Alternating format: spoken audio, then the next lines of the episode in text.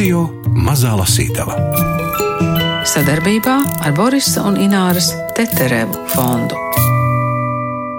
Man nebija nekādu pretenziju, es darīju visu, tikai skatuvi nebūvēju.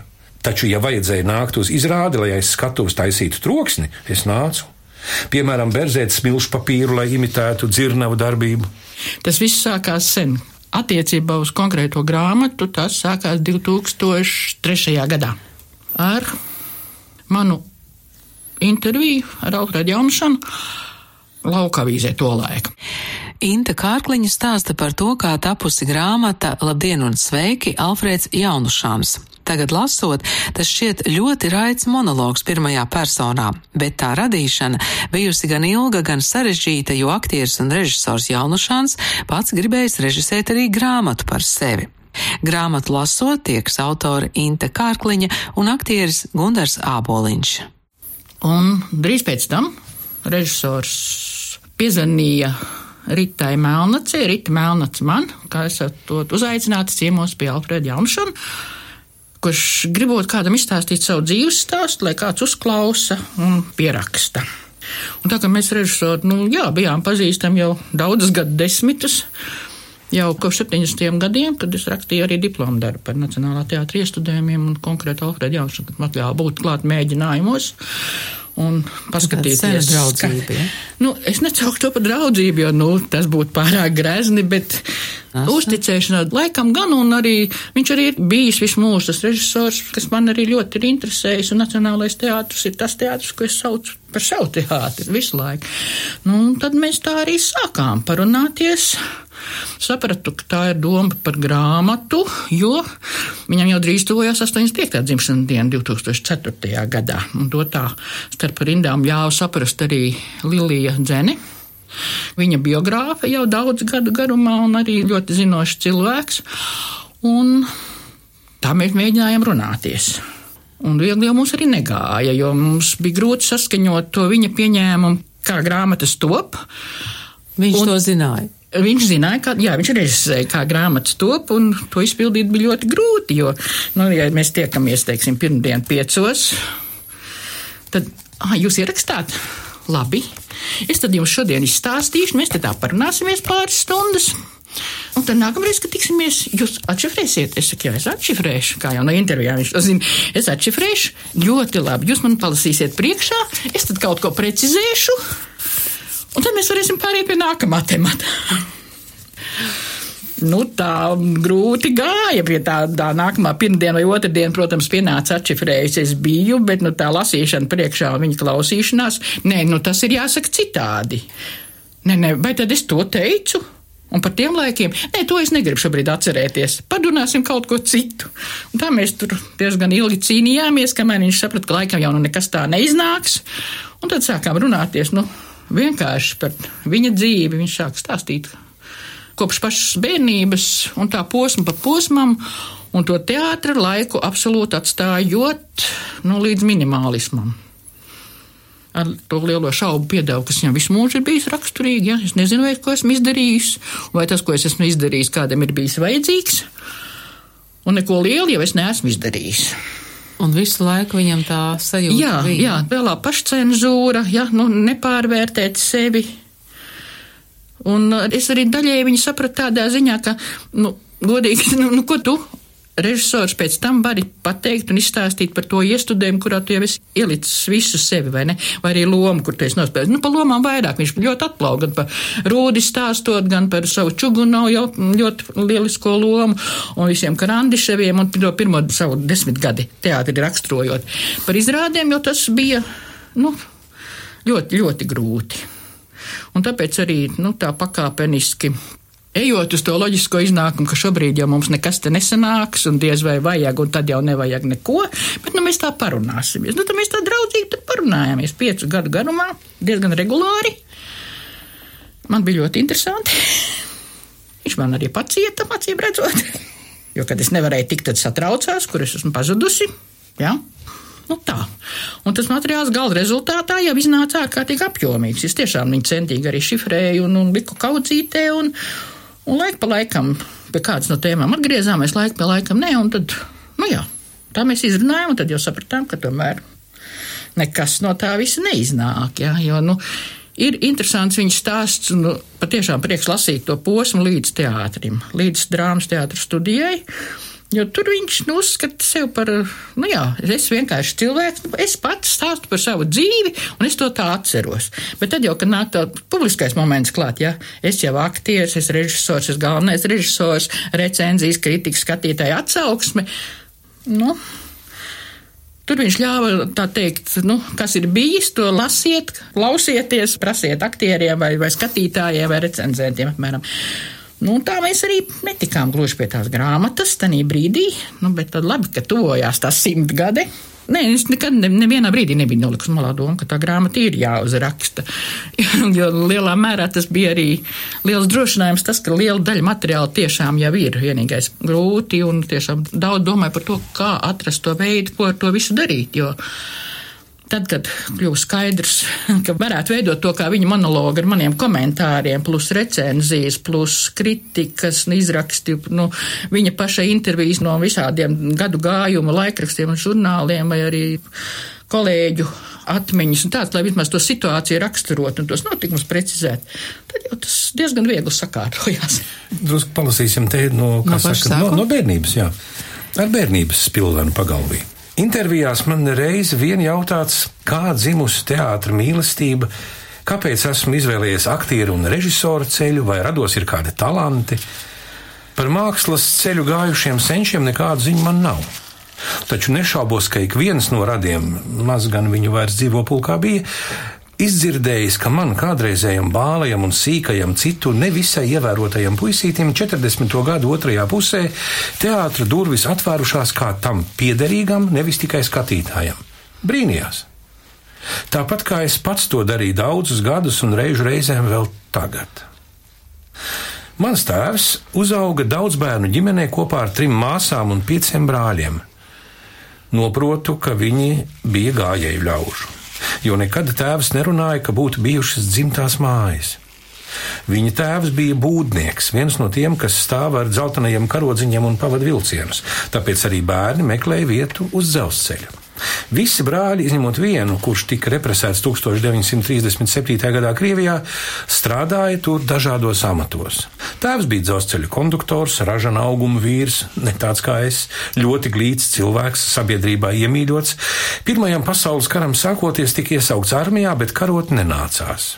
Fotoattēlos redzu viņu tādā uniformā, ko lāgā nepazīstu. Varbūt apsardzes dienests, varbūt goda sardze.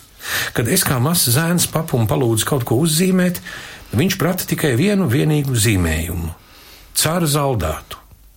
Katrā nākamajā reizē precīzi atkārtojot visas līnijas.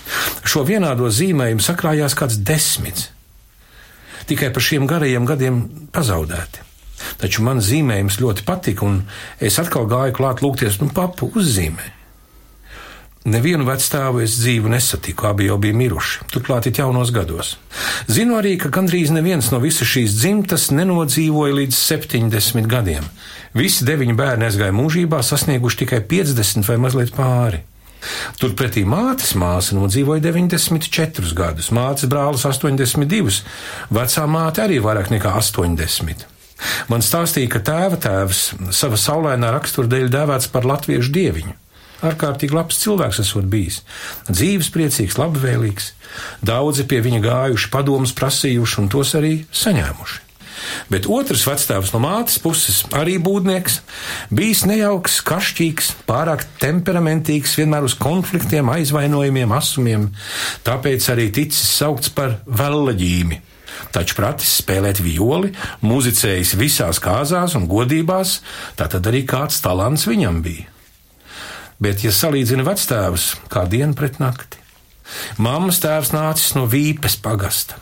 Ģimenē arī bijuši seši dēli, par meitām neko nezinu, un ļoti patriarchāls vectēvs. Protams, ka uz sešiem zemi sadalīt nevar, un tad tur nevienam nekā nav. Tā nu trīs dēli palaisti pasaulē. Dzimtas uzvārds bija Ozoliņa, bet mājas saucās Lenzēniņa, un tie, kas palika uz zemēm, saglabāja savu uzvārdu. Arī mana mamma ir kristīta Krustpils baznīcā kā Minna Marija Ozoliņa, taču vēlāk viņa kā savu pirmslaulības uzvārdu norādījusi Lazdāne. Bet pasaulē aizgājušie puiši, protams, iet uz dzelzceļa. Jo tā bija izplatītākā darba vieta tiem, kam tikai četru klašu pamatskolas izglītība. Tur stājoties darbā, jāreģistrējas. Saruna, protams, notiek Krievu valodā, Viņa cits pēc cita savus uzvārdu ozoliņš, un reģistrators saķer galvu pilna pasaule ar šiem ozoliņiem, bērziņiem, kalniņiem un lēņiem. Nekas cits kā liela putaņica sajaukums, ja? Nevar iznākt. Un tad tika jautāts, kā sauc mājas? Lenzēniņi, ja? Nu tad būsi Lanzāns. Tā radās otrs uzvārds, un trīs brāļi kļuva par Lanzāniem. Māma atcerējās, ka katru gadu visi brāļi tēva mājās ģimenes godu reizēs regulāri satikušies, apkampušies, skūpstījušies, dziedājuši, smējušies un no sirds rāvuši vaļā, lai kopā sanākam un dziesmas uzdziedam. Bet jau nākamajā dienā Pa kādam strīdam, apvainojumam, kas pārauguši kautiņos, ar dūrēm atgādināts, ka policija iekārtojušies siltā vietiņā, bet pārējiem lūk jāklēņo pasaulē, pa gaisu lidojušas ne tikai karots, bet arī bļodas ar visu putru. Prom braucot salabuši, apkampušies, saraudājušies, pabučojušies, atvadoties līdz nākamajai reizei. Pēc gada atkal viss notiek pēc tā paša scenārija. Labprāt būtu uzzinājis, kā mammas vecstāvs savulaik ticis pie tām mājām un tik lielas zemes, ka varējis sadalīt trim dēliem. Bet to man neviens nestāstīja. Inti izklausās ļoti gludi.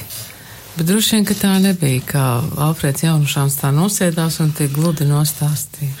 Ne, nu, tik gludi nebija. Tas tiešām ir lasīts kopā no daudzām atmiņu druskām, no daudzām reizēm, jo dīvaini bija arī tas, ka viņa vēlēšanās tātad bija nu, to teātra dzīvi, kā izstāstīt aktieris, režisors. Nu, es atskatīšos uz to un to bērnību un privāto dzīvi, kā to, to posmu. Nē, jo viņš uzskatīja arī nu, likteņu stāstos pirms daudziem gadiem, kad iznāca grāmatiņa, bija viņa likteņu stāsts, un tur viņš bija šo to no savas bērnības izstāstījis, un viņš teica, nu, kam tad tas interesē? Bērnība jau apmēram visiem ir vienāda tāda. Bet, nu, tad, kad izdevās pierādīt, ka gluži tā nu nav, jo ceļš tiem, kuri dzimuši Pirmā pasaules kara laikā, jau Rīgā 19. gadā, nu, tas daudz ko maina. Un tad viņš it kā tā padomāja laika pa laikam un atkal pie tā atgriezās un pa fragmentam, pa fragmentam, pa fragmentam.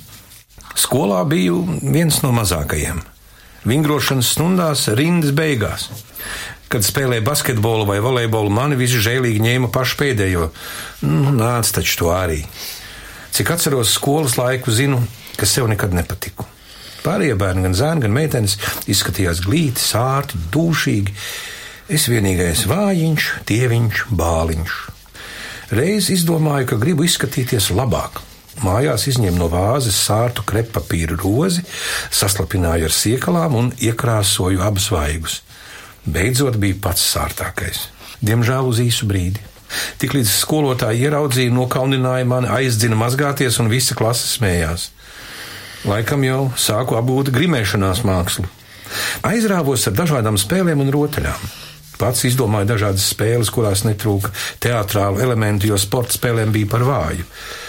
Tā arī augu, plus rātnes, sabrups, Ne citi mani daudz ievēroja, ne pats iesaistījos. Taču kādā svētdienā man, deviņgadīgam pušlim, atklājās pasaule, ar kuru pirms tam nebija saskāries. Tā man pārsteidza, saviļņoja, apbūra un paņēma savā varā, kā vēlākie gadi liecinās, uz mūžu. Manā dzīvē ienāca teātris. Es vēl gulēju, kad agrā rītā pie dzīvokļa durvīm piezvanīja kaimiņiene, jautāja mammai, vai es varētu iet līdzi uz teātri. Viņas līdzgājēji esot saslimusi, bet dienas izrādē katrs pieaugušais drīkstot ņemt līdzi vienu bērnu par brīvu.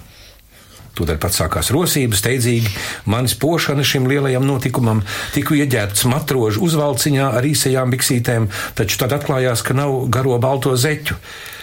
Tātad uz teātri netikšu. Asaras līja aumaļā, mamma skrēja pāris liedēm pie kādas paziņas, kur varēja nopirkt šīs baltās zeķītes. Nacionālā teātra ēka mani apbūra. Viss izskatījās milzīgs. Pavadonē pie rokas iegājis zālē sastingu. Mani pārsteidza telpas plašums un skaistums. Celiņš no ieejas durvīm līdz mūsu vietām, piektajā rindā, joprojām atceros, piektā rinda, šķita bezgala garš. Atvērās priekškars, un baltā bērza birs likās kā īsta. Bet redzētais Annas brigadieres Lolitas brīnumputns manu dzīvi apgrieza kājām gaisā, visus sapņus, vēlmes, domāšanu. Iemācījos no galvas programmiņā minētos aktieru vārdus un visam mūžam tos atcerējos. Tagad tikpat precīzi nenosaukšu, jo piemirsies, bet Jūliju Skaidrīti ķēniņieni, Jāni Ģērmani ķēniņu, Liliju Ēriku Lolitu, Jāni Leņu Alni un Klintīti kā sūrmi atceros. Runa ir par 1927. gada amtmaņa briedīšu iestudējumu. Dekorātors bija Kuga un komponists Kalniņš. Tas ir redaktors Intas Kārkliņas piebildi. Intīms nācās meklēt, vai ne? Par, par ko tad jaunašāns Jā, runā? jā, jā, jā tas, tas bija. Uzreiz arī gribēja līdzināties viņiem tik skaistiem, brašiem cildeniem, tik līdz ieraudzīja savu attēlu spogulī, sagumu. Mazs, vājš, tās varētu būt labojamas vainas izaugšu taču, bet izskats ar tādu būt līdzīgam aktierim var pat nesapņot, nav lemts. Taču vienā vakarā cerības stars iemirdzējās no jauna. Stāvēja pie kinoteātra pallādījuma, kur vitrīnās bija izliktas filmu bildes, un apbrīnoja attēlotos skaistos un laimīgos cilvēkus. Te piepieši viena no līdzās stāvošajām elegantajām dāmām teica otrai: Paskat, kāds mazs apgarots puisītis. Es apgarots šo burvju vārdu es dzirdēju pirmo reizi. Skrietin skrēju mājās, lai spogulī ieraudzītu šo zēnu. Centīgi skatījos, un man tiešām likās, ka pretī raugās apgarots puisītis. Tātad tomēr pasaulē ir cilvēki, kuri manī saskata kaut ko īpašu. Bērna naivitāte. Parasti jau tā sapņu īstenošana ļoti daudziem ir tāda diezgan vienkārši. Nu, gribu un esmu aizēju. Iestājos augstskolām, pabeidzu, tieku teātrī, spēlēju un viss labi. Un esmu jau režisors. Ar režisors, protams, un aktieris arī, protams, nospēlē pāris lomas un Nu, bet televīzijā ir vēl vienkāršāk to Nu, šovā, un tu jau esi zvaigzne. Protams. Un Tu pat vari neko neteikt. Nu, nu, un, bet viņa šis te ceļš cauri tam sapnim, cauri zeltpata kursiem, ja, ar kaunu, kur atkal tiek izsviests ārā, jo atkal viņa kāds notur par bērnu, ja. Tad viņa vēlēšanās uzstāties, mācoties universitātē, kur viņš tiek, tu vismaz dramatiskajā pulciņā kopā ar kroderi, bet viņš var lasīt dažādas dzējojus un priekšlasījumus un ļoti aktīvi darbojās tādā pulciņā, ja. Nu, un tikai pēc tam karš ar izrādēm Maskavā un Novosibirskā, visur, kur viņš ir prom, ko viņš skatās nemitīgi visas Krievu teātru labās izrādes, jūsmo par tiem aktieriem, kuriem ir dzirdējis. Un tad atgriešanās mājās, beidzot atteikšanās no laba darba finanšu ministrijā un tam līdzīgi, kur jau viņš bija iemācījies un tiešām ticis pie darba, ja, lai iestātos vienkārši tā, es iešu uz drāmas teātru studiju. Nezinot, vai viņi tur uzņēmis. Ja? Un tad, kad uzņēma no tiem 180, cik viņi tur bija beigās, ja viņš tur 30 uzņēma viņu tādā kursā, pilnīgs nezinīšus. Ja? Un tad arī šaubas, vai es to varēšu, vai spēšu.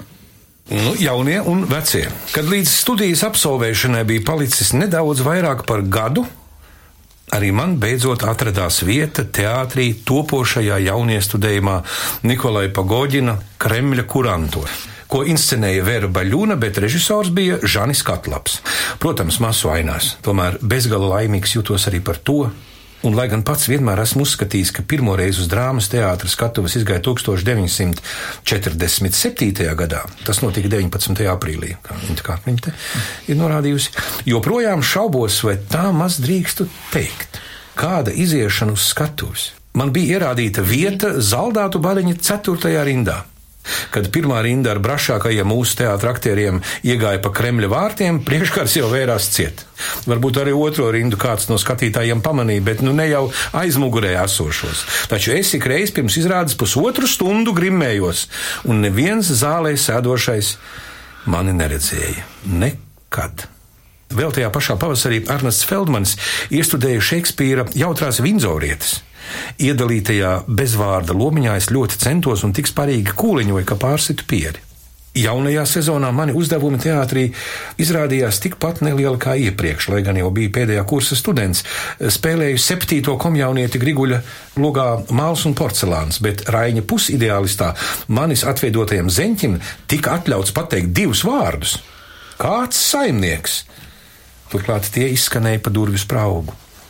Ostrovska talantos un pielūdzējos, ko 1948. gada pavasarī veidoja Vēra Baļūna, atkal pat ne pusteikumu.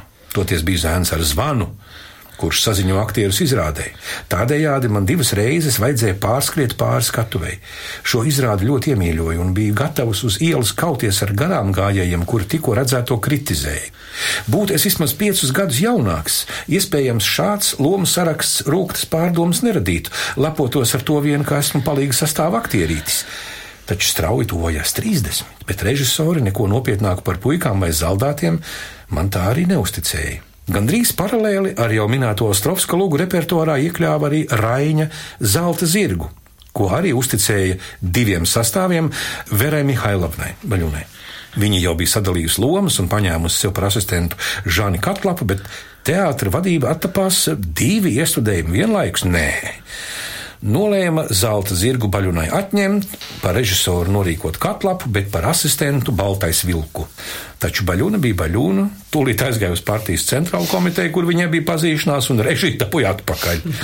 Pirms sāka strādāt, pārdalīja lomas. Pirmo sastāvu daudz nemainīja, bet otrajā galvenās lomas iedeva trim drāmas studijas audzēkņiem - Dzidrē Ritenbergai, Saucerīti, pirmajā sastāvā bija Vilma Vārna, Kārlim Trencim Antiņu, Pirmajā bija Rihards Zandersons un Lidijai Freimanai Melno māti. Pirmajā sastāvā M. Ezeriņa. Man tika trešais krauklis un sulainis. Indes Kārkliņas grāmatu Labdien un sveiki Alfrēds Jaunušāns izdevuši Latvijas mēdī. Lasīja Gundars Āboliņš un Ingvilds Trautmane. Vēl tikai kāda privāta piebilde. Tu jau vari ticies ar jaunušām. Protams. Es jau biju arī tādā ģetrūdas ielas dzīvoklī, tur Klintīte dzīvo laikam 100. numurā, un viņš 314. Tas ir būtiski divas mājas tālāk. Mēs māmu tur bijām pie viņa.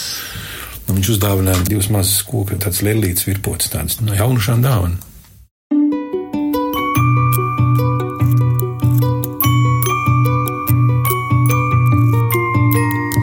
Radio Mazā Lasītava sadarbībā ar Borisa un Ināras Teterevu fondu.